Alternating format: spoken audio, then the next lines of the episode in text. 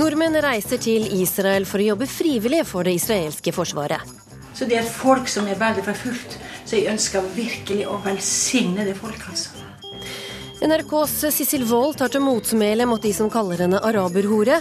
Internasjonal lov og rett er mitt kompass, ikke Gamle testamentet, sier hun. Og Google-generasjonen har tredd en kondom nedover tankene sine, mener professor Nina Witoszek. Ukeslutt tester om Google-generasjonen klarer å tenke nye tanker. Dette er ukeslutt i NRK P1 og P2, hvor vi også skal til flyplassen i Amsterdam, hvor sørgende nederlendere møtes for å minnes de døde etter flykatastrofen. Jeg heter Linn Beate Gabrielsen. Først en nyhetsoppdatering fra Vidar Eidhammer. Navnene på de 298 ofra for flyulykka ble i formiddag offentliggjort eh, etter en pressekonferanse med den malaysiske transportministeren. Samtidig holder etterforskninga etter nedskytinga fram. Internasjonale observatører sa i går at de ble hindra av de prorussiske separatistene da de prøvde å gjøre undersøkelser, og det kommer meldinger om at separatistene har skutt mot observatørene. Moskva-korrespondent Hans-Wilhelm Steinfeld sier det ser ut som de ikke følger ordre fra Moskva. I går kveld stemte jo også Russland for uttalelsen i FNs sikkerhetsråd som var enstemmig om at det må bli våpenhvile, og en internasjonal uh, flyhavarikommisjon må få satt i gang arbeidet sitt. Uh, men det kan tyde på at separatistene nå er så overopphetet i skallene sine for også å prøve å skjule hva de muligens har gjort at de ikke tar ordre fra Moskva. Og man kan bare tenke seg samtalene på bakrommet i Kreml nå. Det israelske forsvaret drepte i dag en palestinsk militant som tok seg inn i Israel via en tunnel. Det opplyser det israelske forsvaret. Samtidig er ei kvinne i Israel drept av en rakett fra Gaza, ifølge politiet. Den israelske bakkeoperasjonen og luftåtaket holder fram. Flere enn 300 palestinere er nå drepne på Gazastripa. Nå holder ukeslutt fram. Og det skal eh, først handle om eh, passasjerflyet som ble skutt ned over Ukraina torsdag kveld. 295 mennesker døde, mange av dem var eh, barn. Reporter Joakim Reigstad, du er i Ukraina, nærmere bestemt Kiev, hvor det nå pågår en pressekonferanse. Hva har kommet fram der? Jeg må jo først si at vi står her på Hotell Ukraina og venter på Pavlo Krimkin, den ukrainske utenriksministeren, som skulle ha vært her eh, klokken 13 eh, lokal tid, altså klokken 12 i Norge. Han lar vente på seg. Slik at Hva det betyr, det får vi jo bare Det har vi jo ikke noe svar på. Men for en drøy time siden så var Andrij Lusjenko, den talsmann for den ukrainske, sikkerhets, de ukrainske sikkerhetsmyndighetene, ferdig med sin pressekonferanse. Han snakket mye om problemene som oppstår eh, ved ulykkesstedet, eller der flyvraket ligger, fordi at dette er kontrollert av eh, prorussiske eh, separatister. Og han utdypet veldig om hvor vanskelig lete-, identifiserings-, opprydningsarbeidet kommer til å bli dersom man ikke kommer til en enighet om en sikkerhetssone eller en våpenhvile i, Ukraina, altså i Sørøst-Ukraina nå. Det kommer jo meldinger nå om at det skal være stjålet lik fra ulykkesstedet. Hva mer vet du om det? Ja, det som blir sagt er at det skal dreie seg om 38 lik eh, som har blitt fjernet fra stedet og fraktet til et eh, hospital eller et eh, likhus eh, i Donetsk, som ligger ca. en time, en drøy times kjøring fra selve ulykkesstedet.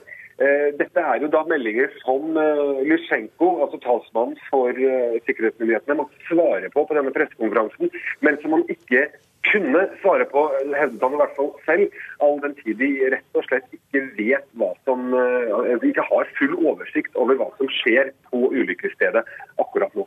Men hva vil skje videre, da, med tanke på etterforskninga? Ja, Det er jo et eh, stort spørsmål. Her er det jo, mange, her er det jo mye diplomati inne i bildet. Én ting er jo at de prorussiske styrkene står for sitt og nekter eh, både ukrainske og andre internasjonale hjelpe eh, organisasjoner, redningsmannskaper osv. adgang. Eh, vi kan jo huske I går så ble jo representanter for Organisasjonen for sikkerhet og samarbeid, OSSE, i Europa de ble jo beskutt, hevder de, da de beveget seg mot, mot vrakrestene. Man må rett og slett ha på plass enten en våpenhvile eller at man får på plass denne sikkerhetssonen som skal være 20 kvadratkilometer stort rundt området, som da skal være fritt for eh, andre enn de som har et arbeid å gjøre på eh, vrakstedet. Hvis ikke den kommer på plass, så vil dette her kunne ta, bli et svært komplisert arbeid. Og selvfølgelig også en diplomatisk krise her i Ukraina, mellom Ukraina og Russland. Tusen takk skal du ha, reporter Joakim Reigstad fra Kiev. Det var eh, Nederland som led de største tapene, og reporter Margrethe Konstad, du er på flyplassen i Schiphol, der eh, flyet reiste fra torsdag.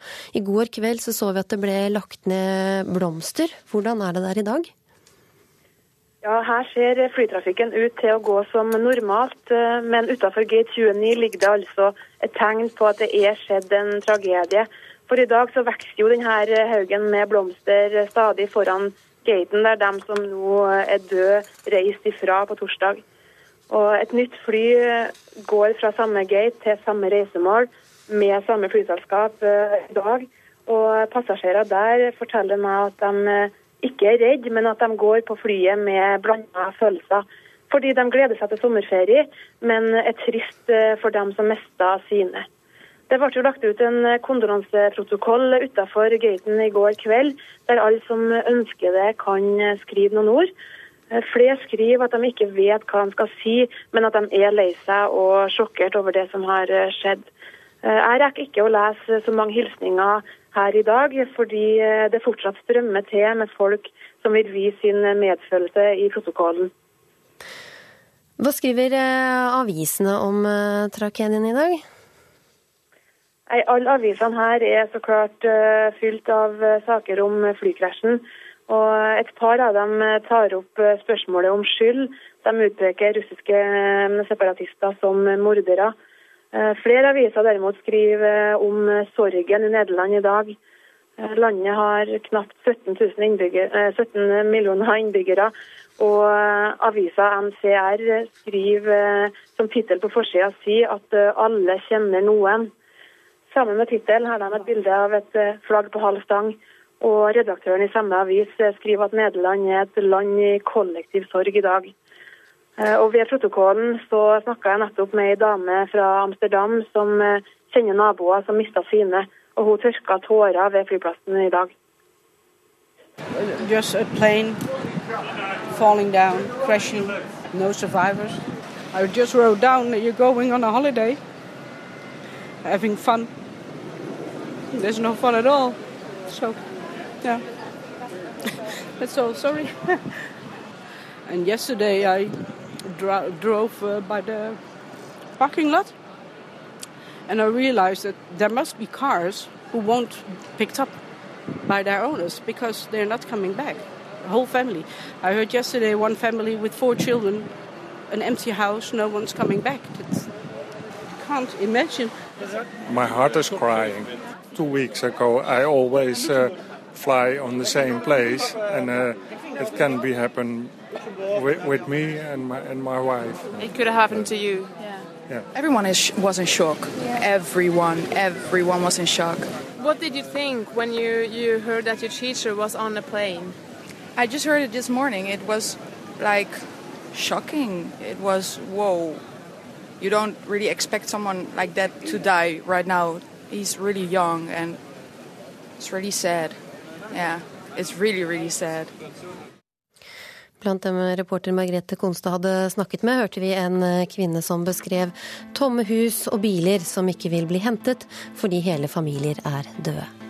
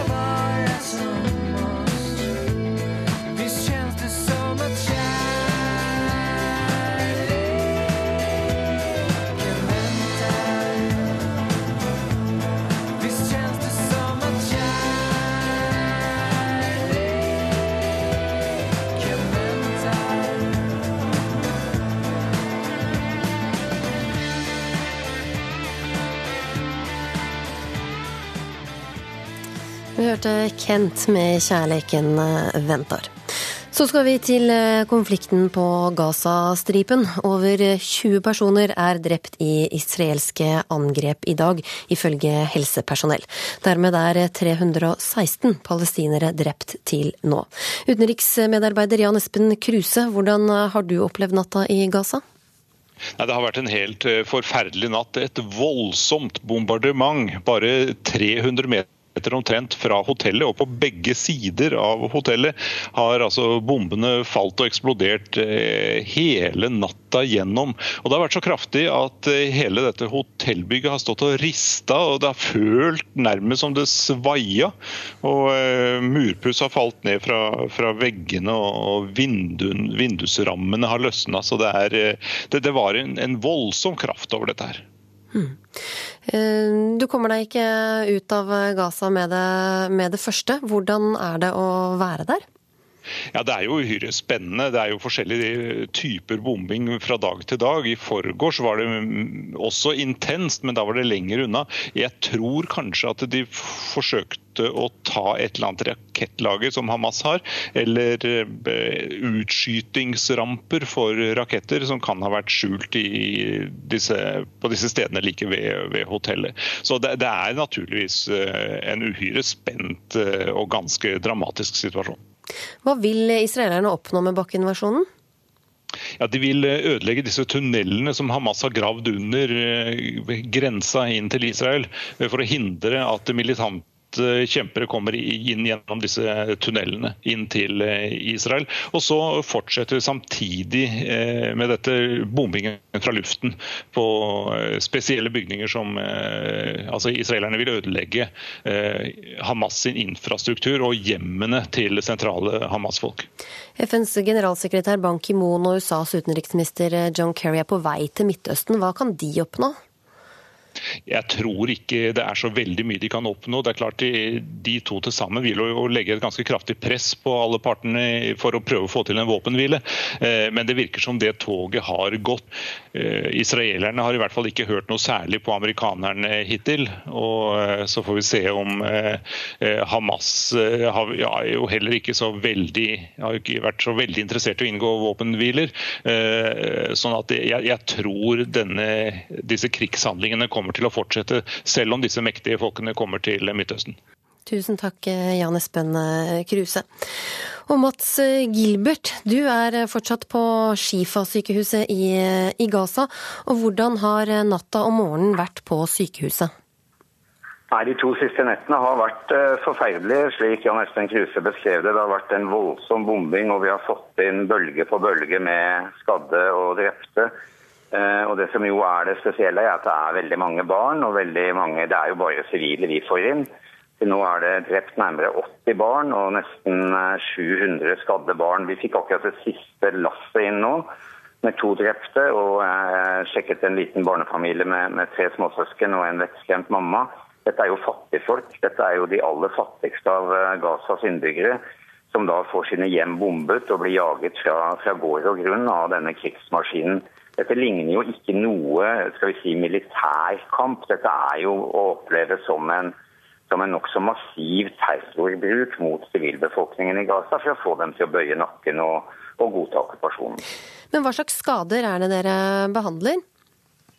Det er alt fra amputasjoner og avrivninger til uh, hundrevis av småsplinter som sitter i hud og ansikt og på rygg og mage på, på småunger og på voksne, til eh, store bløtdelsskader. Og eh, nå de siste døgnene, etter at eh, israelerne har gått over til å skyte med artilleri, store tanks-artillerigranater, så har vi hatt veldig mye splintskader med splinter som da trenger inn i bukhulen, brysthulen og skallehulen og forårsaker livstruende blødning. Hvordan er det forholdene dere jobber under på, på sykehuset? Nei, altså Alle sykehusene i Gaza jobber jo nå under ekstreme forhold. Pga. de sju årene med blokade så mangler det jo absolutt alt her. og jeg må si at jeg er dypt imponert over evnen de palestinske helsearbeiderne har til å improvisere. Vi mangler medikamenter, vi mangler engangsutstyr, vi mangler operasjonsspor. Og det er jo ikke strømtilførsel, det går jo på aggregat, det mangler vann. Og Dette er jo alt sammen skapt av denne okkupanten, så det er fryktelig vanskelig arbeidsforhold. og er, Jeg må si jeg er ganske sliten nå. og Jeg ser på mine palestinske sykepleierkolleger og leger eh, de er grå i ansiktet, men de reiser seg opp igjen. og Hver gang det kommer en ny bølge, så er det å brette opp armene og finne ut hva det er, og begynne å operere og gjøre hva vi kan. Det er en ekstrem situasjon, og en ting som slår meg, det er jo hvor i all verden er det internasjonale nærværet? Det er ikke en hvit bil her, ikke en FN-bil, det er ikke en bil fra Internasjonale Røde Kors som skal håndheve internasjonal lov. Så palestinske helseinstitusjoner er fritt vilt. Tusen takk eh, skal du ha, Mats Gilbert, for at du tok deg tid til å gi denne rapporten til eh, ukeslutt. Vi skal nå høre Marie Skeie. Du er eh, leder av Palestinakomiteen i Bergen og har mannen din og familie i Gaza. Og de skulle vært evakuert, men kom seg ikke ut i, i tide. Hva vet du om dem nå?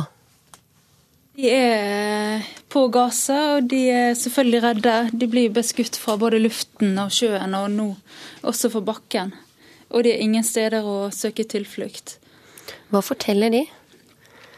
Eh, de forteller jo at de er livredde. De vet at alle mål på Gaza er, er mål for Israel. Eh, jeg spurte om de hadde noe melding til eh, til Norge i dag. Og da de sa at de ønsket at internasjonale samfunnet skulle begynne å reagere og få stopp på bombinga. For de visste ikke om at de kom til å leve i morgen. Har de merket noe til eh, bakkeinvasjonen? Ikke akkurat i det området der de er, men Gaza er jo veldig lite. Så de har jo både venner og bekjente i de områdene som rammes. Hvor ofte har du kontakt med dem, da? Jeg har kontakt med de hver dag. Mm. Og hvordan, hvordan, hvordan, hvordan, holder dere kontakten? Via Skype og internett. De har kun tre timer elektrisitet nå, men de får noe internett gjennom batteri. Hvordan er det for deg da, å sitte, sitte her hjemme og ikke vite hva som skjer med familien i Gaza? Det er jo veldig vanskelig, men enda vanskeligere for de som er i den situasjonen de er i der ingen er trygge. Og tenker spesielt på barna som eh, opplevde krigen eh, i november i 2012 og nett så vidt har kommet seg over det, og nå blir det enda en krig. Og de ser bare at livet bare blir vanskeligere og vanskeligere for hver gang. Og de ser at hver krig gjør bare situasjonen verre. Og Hva slags informasjon får de som er inne på, på Gaza? De følger med via radio og eh, bruker også sosiale medier til å spre informasjon. Men de har jo vært innestengt nå siden krigen begynte. Og de var ute noen timer eh, i går. Men ellers så sitter du inne, så all informasjon kommer utenfra. Hva er ditt håp nå? Mitt håp er at det internasjonale samfunnet skal reagere, og at de eh, at Israel får konsekvenser for da, de krigsforbrytelsene som skjer. Vi ønsker jo kun bare å leve et normalt liv i frihet, uten okkupasjon og krig. Takk skal du ha, Marie Skeie. Så får vi håpe du snart har eh, mannen din eh, trygt eh, hjemme igjen. Ja, det håper jeg. Takk skal du ha. Og det skal fortsatt handle om Gaza. For journalister som rapporterer fra Midtøsten-konflikten, får mer hatmeldinger enn før. Annet disse to her. Ja, akkurat mens dere leste headline, så gikk det en rakett rett over oss her. Eh, fyrt fra Gaza, og den ble stanset av dette rakettskjellet Iron Drum. Det kunne vi se, for det var et svært blink oppe i lufta. Så det er sånn vi ser det. Eh, ellers har det vært veldig stille her, men det virker som det er litt stille før stormen. Fordi alle snakker her om hva som eventuelt skjer ved en bakkeinvasjon. Gaza-folk er livredde. De vet at da kommer det inn masse nervøse israelske soldater som skyter på alt som rører seg. Det er mye ødeleggelser her. Vi ser at de har truffet eh, svært mange bolighus denne gangen, i motsetning til de siste to store offensivene Israel har hatt eh, mot Gazastripen. Så er det bolighus som i stor grad har blitt truffet. Det pågår nå et ganske kraftig bombardement. Det er store materielle ødeleggelser. Men det verste her er jo selvfølgelig de ødeleggelsene som er på mennesker. Jeg har vært på sykehuset og på likehusene i dag, og de fylles altså opp med folk som er skadet og drept. For eh, mens NRK Sissel Wold rapporterte inne fra Gaza denne uka, så strømmet hatmeldingene og sjikanen mot henne inn på både mail, Facebook og Twitter. Og Sissel Wold, denne uka så fikk du nok. Hvorfor det? Fordi dette har pågått i mange år, og jeg har prøvd å gjøre jobben min ordentlig. Jeg er ofte rystet over hva den israelske okkupasjonsmakten foretar seg. Jeg syns at det er viktig å rapportere om det. Israel sier selv at det er et demokrati, en rettsstat. Det vil være et land som er eh, et moderne vestlig land. Eh, på samme standard som vestlige, andre vestlige land, og da blir man målt etter den målestokken. Det er én grunn til at eh, Israel blir fulgt nøye med på. Eh, men hvis du da blir fortalt at du er en løgner Jeg kan bare lese her en mail jeg fikk eh, i går. Du føyer deg inn i tradisjonen til ARK med jødehat og Israelhat. Og så har du en eh, tweet. Flere, nei, flest palestinere og israelere ønsker fred. Det er aktivister som Eskil Pedersen og Sissel Wold som gir håp til terrorister. Hvilken agenda skulle jeg ha? Hvorfor skulle jeg ha en annen agenda enn å være reporter? Hvorfor det?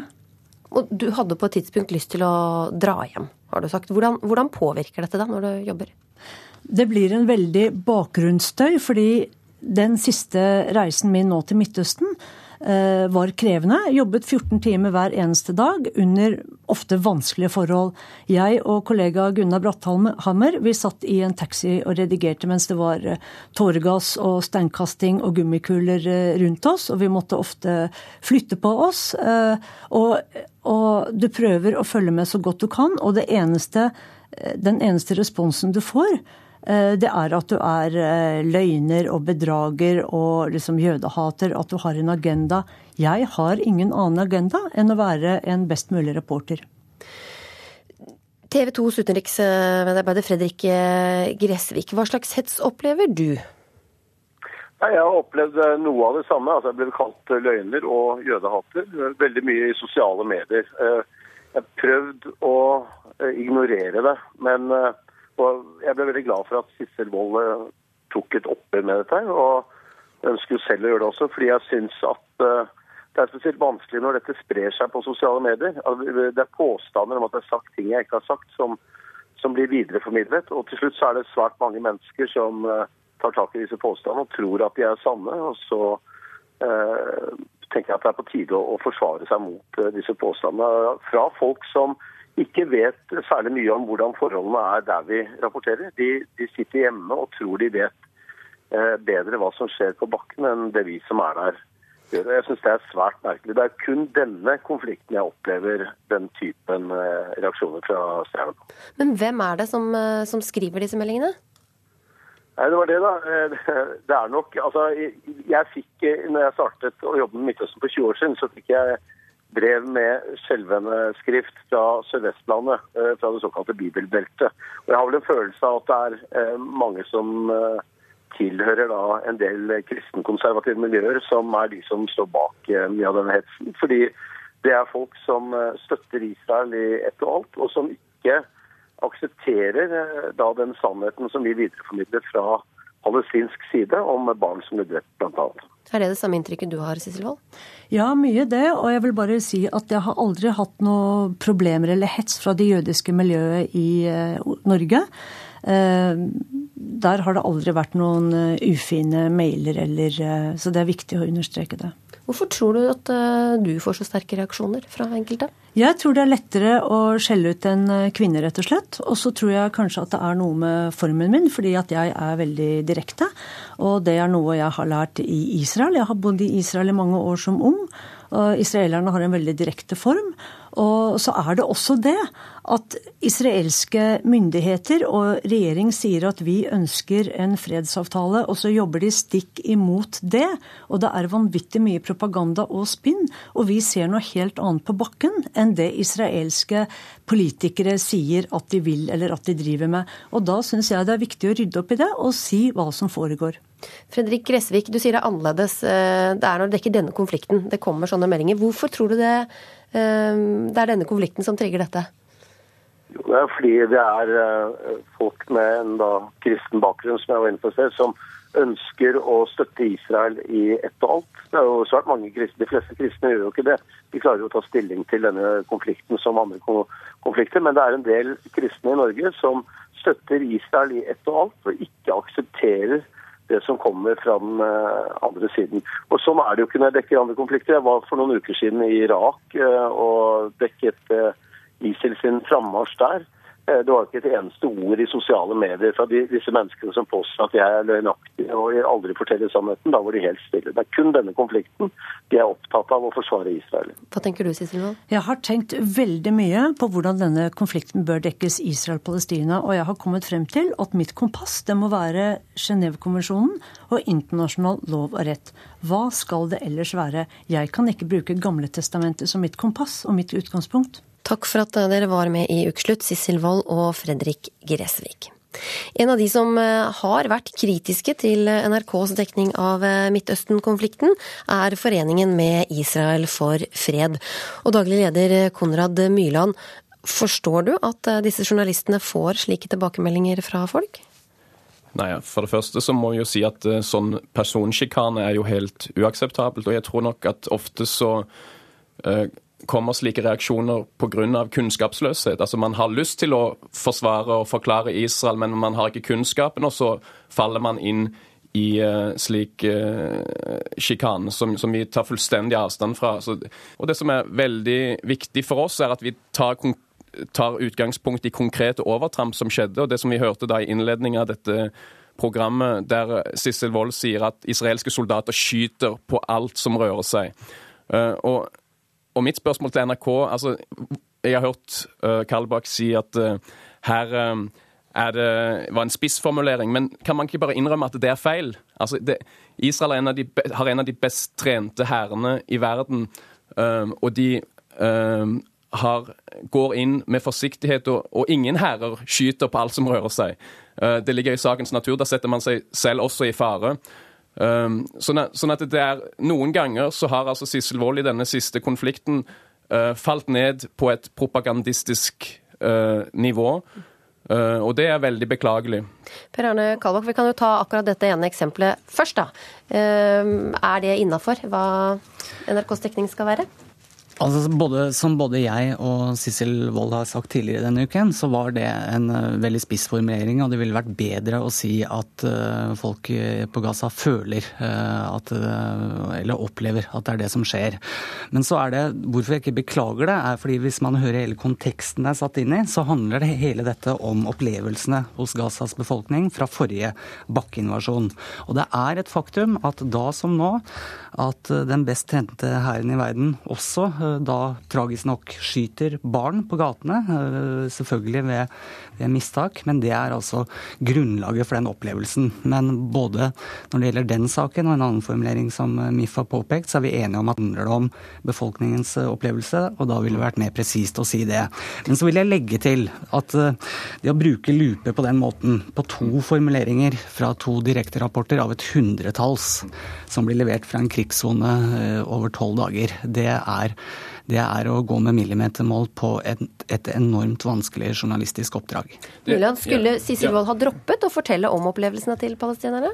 Nei, absolutt ikke. Altså, det som er problemet, det er at Uh, her er det to uh, poenger som, eller to eksempler som vi har påpekt der det ble begått overtramp, men dette er jo en, i en lang serie. Det som er de mer grunnleggende systemfeilen i NRKs dekning, er jo at man har et ekstremt overfokus på denne konflikten i forhold til alle andre konflikter. Også konflikter som, der det er ti og 100 og tusen ganger flere mennesker som, som, dør og blir drevet på flukt. Nå hørte vi igjen Kalbakk si at uh, barn blir drept. Og det er tragisk at barn blir drept, men i alle kriger blir dessverre barn drept.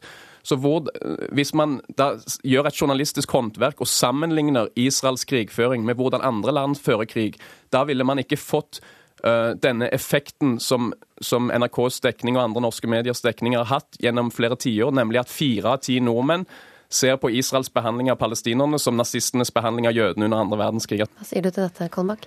Ja, Når det gjelder uh, hvorfor eh, NRK og andre norske medier er uh, man kan si uh, i forhold til størrelsen på området uforholdsmessig opptatt av Midtøsten, Israel-Palestina-konflikten Grunnen til det er jo den samme grunnen som at NIF eksisterer, at Palestina-komiteen eksisterer. Det er i Norge et enormt engasjement og historiske bånd fra krigen og før krigen. Først til Israel, senere til palestinerne. Og det er jo grunnen til at både Konrad Myrland, mediene og den norske befolkning er opptatt av Israel og Palestina. Det er grunnen til at vi dekker det. Men i disse to siste årene hvor det har vært relativt sett rolig der, har vi vært i andre konflikter. Vi har vært i Egypt, vi har vært i Syria, vi har vært i Irak. Og vi rapporterer på akkurat samme måte om overgrepene mot sivilbefolkningen der, fordi det er viktig å gjøre det. Sissel Wold stilte spørsmålet her eh, tidligere. Hvilket motiv skulle hun ha for å dekke dette skeivt? Jeg tror at uh, hun, er, hun er fortvilet over det hun ser. Uh, og hun tror at Altså, hun videreformidler palestinsk virkelighet. og har jo helt klart plassert seg på Eh, en pro-palestinsk side i sin dekning. Både Sissel Wold og NRK har jo gjentatte ganger snakket om f.eks. Hamas eh, sin eh, ytterliggående politikk, terrorhandlinger, at man hele tiden sier nei til, til fredsforslag, at man fortsetter med disse rakettangrepene. Men det er ikke tid og sted å gjøre det når man står i Gaza by og rapporterer fra familien til, til barn som er drept. Myrland, hva må til for at dere i MIF skal være fornøyd med dekninga? Det må være en balansert og rettferdig dekning der eh, israelernes beste argumenter kommer fram. Det må ikke være bare at man eh, refererer det som israelerne gjør, eh, og heller konsekvensene av, og konsekvensene av det de gjør. Men, men man må få fram hvorfor gjør Israel dette, slik at folk kan forstå at dette er ikke bare noen blodtørstige israelske ledere som vil som vil bombe Gaza sønder og sammen, det uttrykk som Dagbladet bruker i dag. Israel går etter en radikal islamistgruppe uh, for å ramme deres militære mål. Kalbakk, er det et problem for NRK at noen ser på dekninga som skeiv? Nei, jeg syns jo det er en styrke for eh, både, både, NRK og for eh, den offentlige samtalen i Norge at vi kan sitte her og ha denne diskusjonen nå. Eh, men, og, og det setter jeg pris på. Men når Myrland og MIF trekker fram dette ønsket om en saklig og balansert dekning, så syns jeg det er litt viktig å huske på at Med Israel for fred er jo en organisasjon som har som formål å skape en større og dypere sympati for Israel. Mm. Så det er viktig å huske på at denne kritikken kommer fra en politisk aktør som er sterkt mm. engasjert engasjert på den ene siden. Og jeg forstår jo at skulle vi ha en eh, dekning som Myrland og MIF ville vært helt fornøyd med, så er det klart at da ville den vært langt ute på ene siden. På samme måte som vi får reaksjoner fra Palestina-komiteen og palestinavenner de gangene vi snakker om overgrep og angrep mot Israel. Så det må vi bare leve med, og så må vi forsøke å rapportere så sannferdig og grundig eh, som mulig om denne dype og kompliserte konflikten. Da må vi dessverre sette strek der. Takk skal dere ha, nyhetsdirektør i NRK Per Arne Kalbakk og Konrad Myrland, daglig leder med Israel for fred.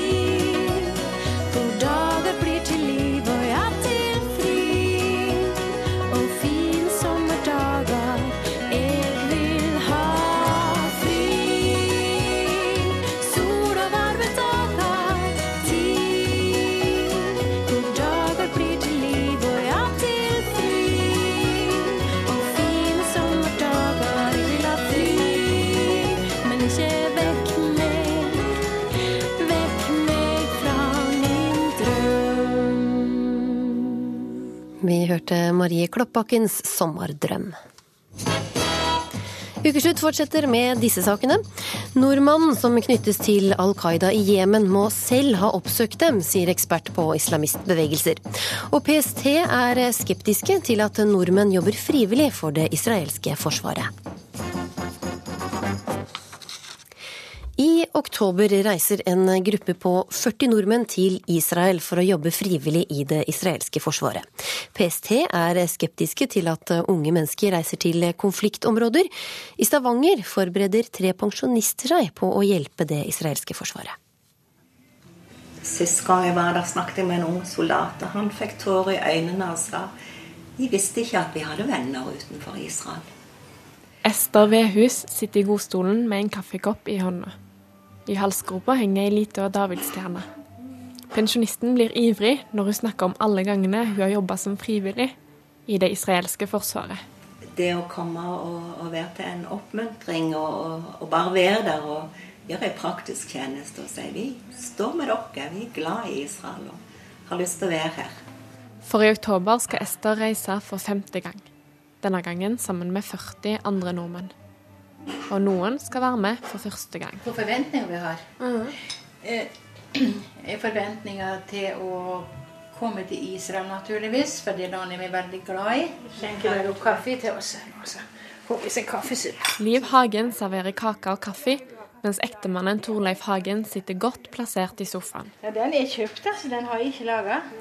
Liv og Torleif har ikke vært frivillige i det israelske forsvaret før. Men det er ikke første gang de reiser til Israel. De tre pensjonistene har lenge hatt et stort Israel-engasjement. Så eh, det har blitt et engasjement eh, som har eh, blitt sterkere underveis. Så det er et folk som er veldig forfulgt. Så jeg ønsker virkelig å velsigne det folket, altså. Det er Liv og Torleif stua vi sitter i. I bakgrunnen går musikk det pensjonerte ekteparet nok har tatt med seg hjem fra en av de mange Israel-turene de har vært på. Huset ligger nært Randaberg, et lite stykke utafor Stavanger. Vi gleder oss. Sarel betyr tjeneste for Israel, og en israelsk stiftelse som samarbeider med det israelske forsvaret, IDF. Hvert år rekrutterer Sarel rundt 5000 fra hele verden som jobber som frivillige i Forsvaret. I Norge øker interessen, spesielt når situasjonen i området er spent. Møtes vi på Ben Gurion, spente og forventningsfulle. Ester har tatt opp fotoalbumet fra forrige opphold på en militærbase i Israel. Og her står de unge soldatene som har ansvar for de forskjellige gruppene. Og her har vi kommet til basen og skal installere oss på rommene våre. Ser kanskje litt, litt undrende ut. På bildet er det flere nordmenn på Esters alder som skeptisk kikker ned på feltsengene. Så får vi utdelt disse arbeidsuniformene. Og de sier at det er to størrelser. For stor og for liten. I militærgrønne uniformer gjør de frivillige vedlikeholds- og logistikkarbeid på militærbaser sentralt i Israel. Det, det vi har gjort eh, de to siste årene vi har vært i grupper, vi har pakka medisinsk utstyr. I albumet står de frivillige oppstilt. Det ser jo ganske militær ut, da. Ja, det Mer og mindre giver. Ja, vi får ikke noe trening på det. Men trening i israelsk historie, kultur og språk er det tid til. Det får de frivillige på kveldstid. I helgene drar de ut av militærbasen på ekskursjon. Etter tre uker er oppholdet over. Reiste vi hjem igjen og syntes vi hadde hatt et fantastisk israelsopphold i regi av Sarel. Står der i albumen. Lehitraot, det betyr på gjensyn. De har ingen strategisk betydning for IDF. Dette sier Bjørn Herman, som er talsperson for det israelske forsvaret, også kalt IDF. IDF tar ingen frivillige soldater. Selv om rundt 5000 frivillige fra hele verden gjør praktiske oppgaver for IDF hvert år, legger Herman vekt på at dette i all hovedsak er en moralsk støtte. Som sagt har støtten ingen strategisk betydning for IDF, heller ingen praktisk betydning. Men vi setter pris på mennesker som kommer på besøk. Jeg vil gjerne vite mer om Israel og om IDF. Den siste tida har det vært mye fokus på nordmenn som deltar i krigføring i andre land. Til NRK sier PST at det ikke er ulovlig å delta på denne typen aktivitet, men de uttrykker samtidig bekymring for at yngre mennesker reiser for å bidra i konfliktområder. Og i Israel har også unge nordmenn vært frivillige. Bakkeinvasjonen i gang på Gazastripen. 20 er meldt Gjennom hele natten har det vært eh, kraftig, kraftig bombardement. I går starta Israels bakkeinvasjon av Gazastripen. Ester Liv og Torleif er enige om at det er Hamas, og ikke det israelske militæret, som er skyldig i drapene på sivile i Gaza. Jeg, eh, jeg synes det er brutalt og fælt å se barna og menneskene i Gaza, hvor de lir av en ledelse av Hamas. Hvis palestinerne ønska fred, så kunne de hatt fred. Den dagen rakettene slutta å regne fra Gaza, så var det unødvendig for Israel å, å gjøre noe. Reporter, det var Ingvild Braut. 35-åringen som denne uka havnet på USAs liste over de mest ettersøkte terroristene, og som dagen etter ble siktet av PST, ble intervjuet av Ukeslutt den gangen han akkurat hadde konvertert til islam. Jeg vet ikke om du har fått med, men Jørn Holme i PST har også vært ute og vært bekymra for at uh, norske muslimer skal bli verva til sånne ekstremistiske grupper. Hva, hva tenker du når du ser sånne uttalelser i media? Jeg syns det bare er eh, et ledd i rekken av eh, propaganda mot islam. Jeg har aldri møtt noen muslimer som eh, de har portrettert i media på den måten. Hvis det fins voldelige muslimer, så er de voldelige. Ferdig med det. Det har ikke noe med islam å gjøre. Det er voldelige, men voldelige mennesker. Eva Marie Bulai, det var eh, du som møtte ham i Rabita-moskeen i Oslo i 2008. Kan du beskrive hvordan han var? Jeg husker at jeg møtte han opp i loftsetasjen i Rabita-moskeen rett etter bønn. Jeg var der for å se om jeg kanskje kunne treffe noen konvertitter. og jeg var, for, jeg var forberedt på at jeg kanskje ikke møtte noen, men han ene jeg traff på, det var han. Og det, det som slo meg, det var at han, han var så vanlig. Han, jeg husker han hadde på seg en blå hettegenser. Han hadde kanskje på seg en helt, altså han hadde en helt enkel bukse, kanskje dongeribukse. Jeg husker ikke, det er lenge siden. Men han var liksom på min alder og virka som en jeg kunne møtt på gata, en hvilken som helst nordmann. I ettertid så har jeg funnet ut at vi var akkurat like gamle da. Og det var liksom en jeg kunne, jeg kunne identifisere meg med, og det var litt rart å prate med en som var på min egen alder, som, eh, som var så sikker. For, for, altså Først da jeg spurte om å få intervjue han, så var han jo litt forsiktig, men samtidig så ville han fortelle om omvendelsen sin, eller om sin konvertering. Og Hvilket inntrykk fikk du av ham, da? Han, han var litt nervøs først når vi skulle begynne å gjøre intervjuet, men uh, når han svarte på spørsmålene, så var han jo rolig, og han, han var veldig sikker på svarene sine. Jeg kan ikke huske at jeg intervjua noen andre, verken kristne eller uh, muslimer som har brukt ordet irreversibelt om uh, trua si. Han snakka jo også veldig tydelig om dette med at islam og vold ikke, ikke hørte sammen. Hva tenkte du i etterkant da du skjønte at dette er uh, samme mannen som havna på USAs terrorliste? Altså, Akkurat da så tenkte jeg jo ikke så mye over det, for det var et svar som man kunne høre fra andre moderate muslimer som vil understreke at islam ikke er en voldelig religion. Men i ettertid, ja, da, da tenkte jeg at når jeg hørte intervjuet igjen, og han snakka så tydelig om at vold ikke er en del av islam, så tenkte jeg at her, her har det skjedd noe i mellomtida. Mellom det intervjuet og det som skjedde da i 2012. Takk skal du ha, reporter Eva Marie Bulai. Og Stig Jarle Hansen, du er eh, førsteamanuensis i internasjonale studier ved Norges miljø- og biovitenskapelige universitet. Hvordan kan det ha seg at eh, den samme mannen som mente vold var uforenlig med islam, nå står på en terrorliste? Eh, Det er selvsagt veldig vanskelig for meg å gå direkte inn i akkurat dette hendelsesforløpet, men det vi vet fra andre situasjoner og andre hendelsesforløp, er en mulighet er at han har kunnet komme inn i en gruppe eh, der han har blitt påvirket av en gruppedynamikk, rett og slett. eh, Hvor man formidler da et syn om at eh, islam er under angrep, islamsk kultur er under angrep fra Vesten og fra, utenforstående. Og, så blir det rett og slett ikke stilt så mye spørsmål til. Så du blir altså en form for gruppepåvirkning. Denne gruppepåvirkningen kan faktisk skje via internett også, via lukkede foraer på internett. Men hva som har skjedd i dette tilfellet er vanskelig. Men det kan godt hende at han har rett og slett kommet i en gruppe der eh, man har presset eh, han mot et sånt verdenssyn som han etter hvert har akseptert uten å tenke mer over det. PST tror at den eh, siktede og etterlyste nordmannen oppholder seg i Jemen. Hva er det sannsynlig at han eh, driver eller har eh, drevet med der? Det er veldig vanskelig å si, men det vi vet er at Al Qaida på den arabiske halvøy, som er Al Qaidas gruppe i Jemen, er heller ganske aktive. I det siste så har de vært delvis på offensiven, dels sporet av en borgerkrigslignende situasjon som har utbredt seg bl.a. i Nord-Jemen, og jemenittiske myndigheter som mangler kontroll. Eh, Det er klart at dette er en veldig aktiv gruppe, hvor de har drevet med våpentrening. Han kan ha vært med på våpentrening.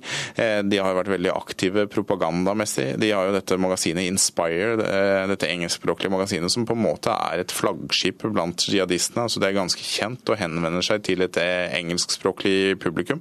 Så dette her er Det er mange ting han kan ha holdt på med. Hvordan tror du han har kommet i kontakt med dem? Ehm, Det kan godt hende han har eh, funnet eh, noen som har hatt kjent til Jemen i Norge, men nå er det sånn at forbindelsen mellom Norge og Jemen er relativt svake. Men det, det, det kan som, hen, eh, som sagt ha skjedd. Det kan også godt hende at han har dratt nedover til Jemen og blitt venner med radikale religiøse ledere som har formidlet kontakt. Igjen så er det vanskelig å si ut fra de opplysningene jeg har nå. Og PST de skal ikke ha registrert noe, noe livstegn fra nordmannen på lang tid, og de holder også muligheten åpen for at han er død. Hvordan er det mulig å holde seg så godt skjult i Jemen? Jemen er ikke som Norge. Dette er en annerledes stat. Mine jemenittiske venner de kaller Jemen et postkontor som de må innom for å få pass, rett og slett. Fordi Jemen er veldig liten grad til stede på landsbygda. Så jemenittiske myndigheter har veldig dårlig kontroll på hva som skjer. På landsbygda er det veldig ofte stammene som dominerer, i noen tilfeller også forskjellige opposisjonsgrupper. Så det finnes jo veldig dårlig kontroll med eh, hva som skjer på landsbygda, også fra jemenittiske myndigheter. Og Jemen har jo vært eh, under radaren for eh, norske myndigheter. Vi må huske på at det ikke er noe diplomatisk misjon fra Norge i Jemen. Det er ingen ambassade. Det er en ambassade i Saudi-Arabia som er sideakkreditert. Man har hatt lite kontroll på dette landet, og det kan være dumt, for jeg tror dette kan være en viktig land i forhold til radikale bevegelser i Midtøsten. Går det an å kort til slutt si hva det betyr at han står på denne terrorlista til USA? Ja, Dette må vi ta alvorlig. Eh, og eh, definitivt virker det som om amerikanerne mener at han har en viktig stilling i eh, Al Qaida i den arabiske halvøy. Og vi skal ikke glemme at Al Qaida i den arabiske halvøy har gjort det relativt godt blant Al Qaida-affiliatene. Det er kjent som en av disse affiliatene, altså en av de delene, nye delene av Al Qaida som har bygd seg opp, som står veldig nærme den gamle sentralledelsen. Så dette er en viktig gruppe, og dette er absolutt noe man må følge med på. og Det er selvfølgelig skummelt for han som person også, for amerikanerne har ikke holdt seg for gode til å angripe folk som står på denne listen med f.eks. droner osv. osv. Takk skal du ha, Stig eh, Jarle Hansen. Da skal vi få hvile øret vårt til eh, Michael Jackson. 'Love Never Felt So Good'.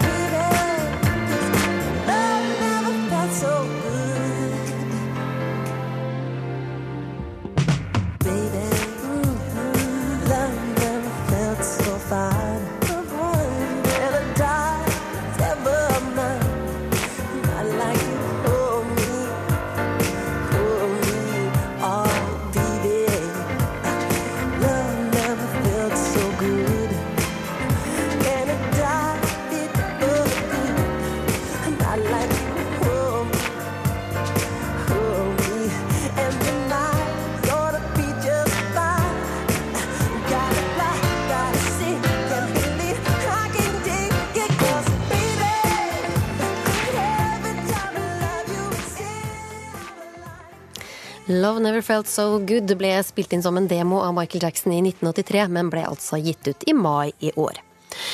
Google-generasjonen er navnet professor Nina Vitocek har gitt dagens studenter, som til enhver tid har internett tilgjengelig i lomma. Der finner de alle svar, og med det forsvinner de nye kreative og originale tankene. Nå må Google-generasjonen dra av kondomen de har tredd på hjernen, og begynne å ha sex med tankene, oppfordrer Vitocek. Når var sist du hadde sex med en idé? Sex med en idé? Uh, tja, det, det er jo veldig uh, abstrakt konsept. Hvordan skal jeg ha sex med en idé? Uh, jeg har uh, imaginær sex hele tida, så kanskje det har noe å si. Jeg vet ikke.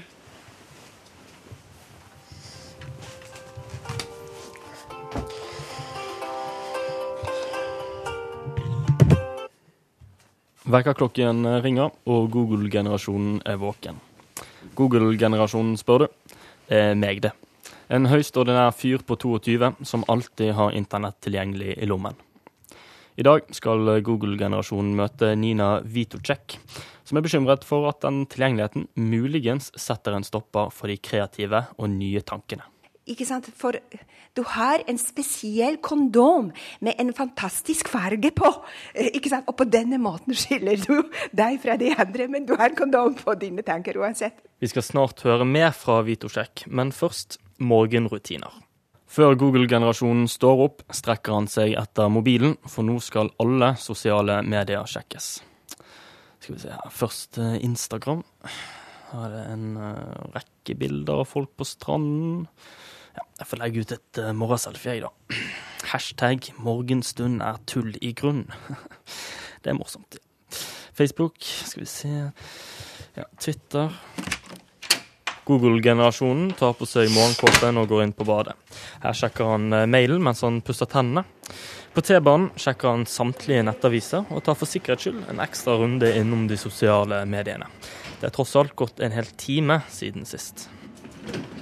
Og så er han fremme hos kvinnen som er bekymret for at all internettaktiviteten muligens kan sette en stopper for Google-generasjonens egne tanker.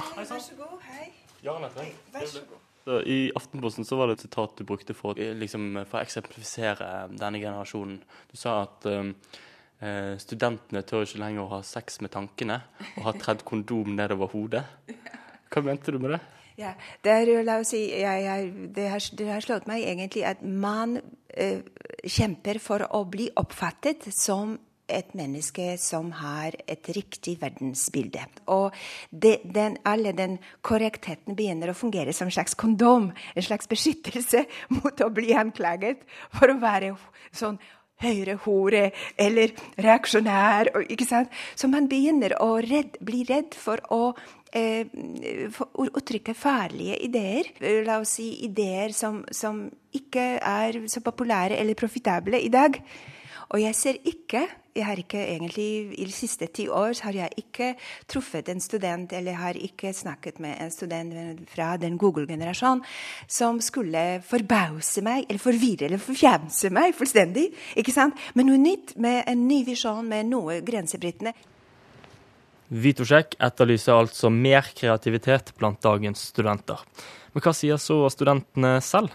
Altså, jeg tenker Så lenge vi er kreative, så vil vi jo kunne klare å komme opp med egne ja, resonnementer. Men altså, sånn, eh, debatter blir jo ofte sånn eh, Ja, vi, vi googler det, og så sjekker vi fasitsvaret. Har du noen egne nye og kreative ideer? Nei, ikke som jeg kommer på akkurat nå. Det er sommerferie. Uh, nei, ehm, tja uh, Hva skal jeg si? Ehm, Eh, Egentlig har jeg ikke tent på det så veldig mye, men jeg tror ikke at jeg har så mye nye originale tanker som jeg skal fremvise til folk, da. en original og kreativ idé. Hmm. Noe som ingen har tenkt før meg. Tja Vent litt, jeg må google der. Det blir vanskelig. Reporter var Jaran Ree Mikkelsen. Og da skal vi høre hvordan eh, sommerværet blir, statsmeteorolog Kristen Gislevoss. Ja, og det ser ut til at eh, søndagen blir det stort sett pent og tørt over, og varmt vær over store deler av landet. Mest utsatt for eventuelt byge grenseområdene for Trøndelag og nordover. Stedvis også med torden. Når det gjelder temperaturer, så blir det kaldere på Spitsbergen. I resten av landet så blir det varmere. Telemark, Østland og fjell i Sør-Norge. Her blir det skiftende bris, søndags og østlig bris. En liten mulighet for lokale regnbyger i indre strøk i ettermiddag. Ellers for det meste pent vær. Mulighet for lokal morgentåke søndag. Sørlandet får skiftende bris, på kysten nordøstlig opp i frisk bris. Søndag opp til østlig eller sørøstlig liten kuling vest for Oksøy. For det meste pent vær. Rogaland sørøstlig bris, frisk bris på kysten sør for Obrestad og pent vær. Hordaland, Sogn og Fjordane får skiftende bris på kysten av Sogn og Fjordane. Nordlig bris ved Stad nordøstlig opp til frisk bris og pent vær. Møre og Romsdal, Trøndelag skiftende bris på kysten nordøstlig opp til frisk bris. I dag mulighet for ettermiddagsbyger i grensedraktene, ellers pent vær. Nordland skiftende bris på kysten i nord, nordøstlig frisk bris. Enkel ettermiddagsbyger i grensedrakten kan hende med torden. Lave tåkeskyer i Vesterålen i dag. Søndag uttrykk for tåke på kysten i nord, ellers pent vær. Troms får skiftende bris på kysten nordøstlig frisk bris og enkelte ettermiddagsbyger i indre strøk. Lokalt tåke eller stort sett pent vær. Finnmark skiftende eller nordøstlig periodisk frisk bris i øst og på vidda enkelte ettermiddagsbyger. Søndag kan hende med torden, ellers opphold. Lokalt tåke eller tåkeskyer. Og Nordensjøland på Spitsbergen sørvestlig liten kuling utsatte sted. Det har vært skyet oppåsvær. Og det var alt for Meteorologisk institutt. Og der går signalet for at ukeslutt er over. Ansvarlig var Elisabeth Onsum. Teknisk ansvarlig Hans Ole Hummelvold. Og i studio hørte du Linn Beate Gabrielsen. På gjenhør.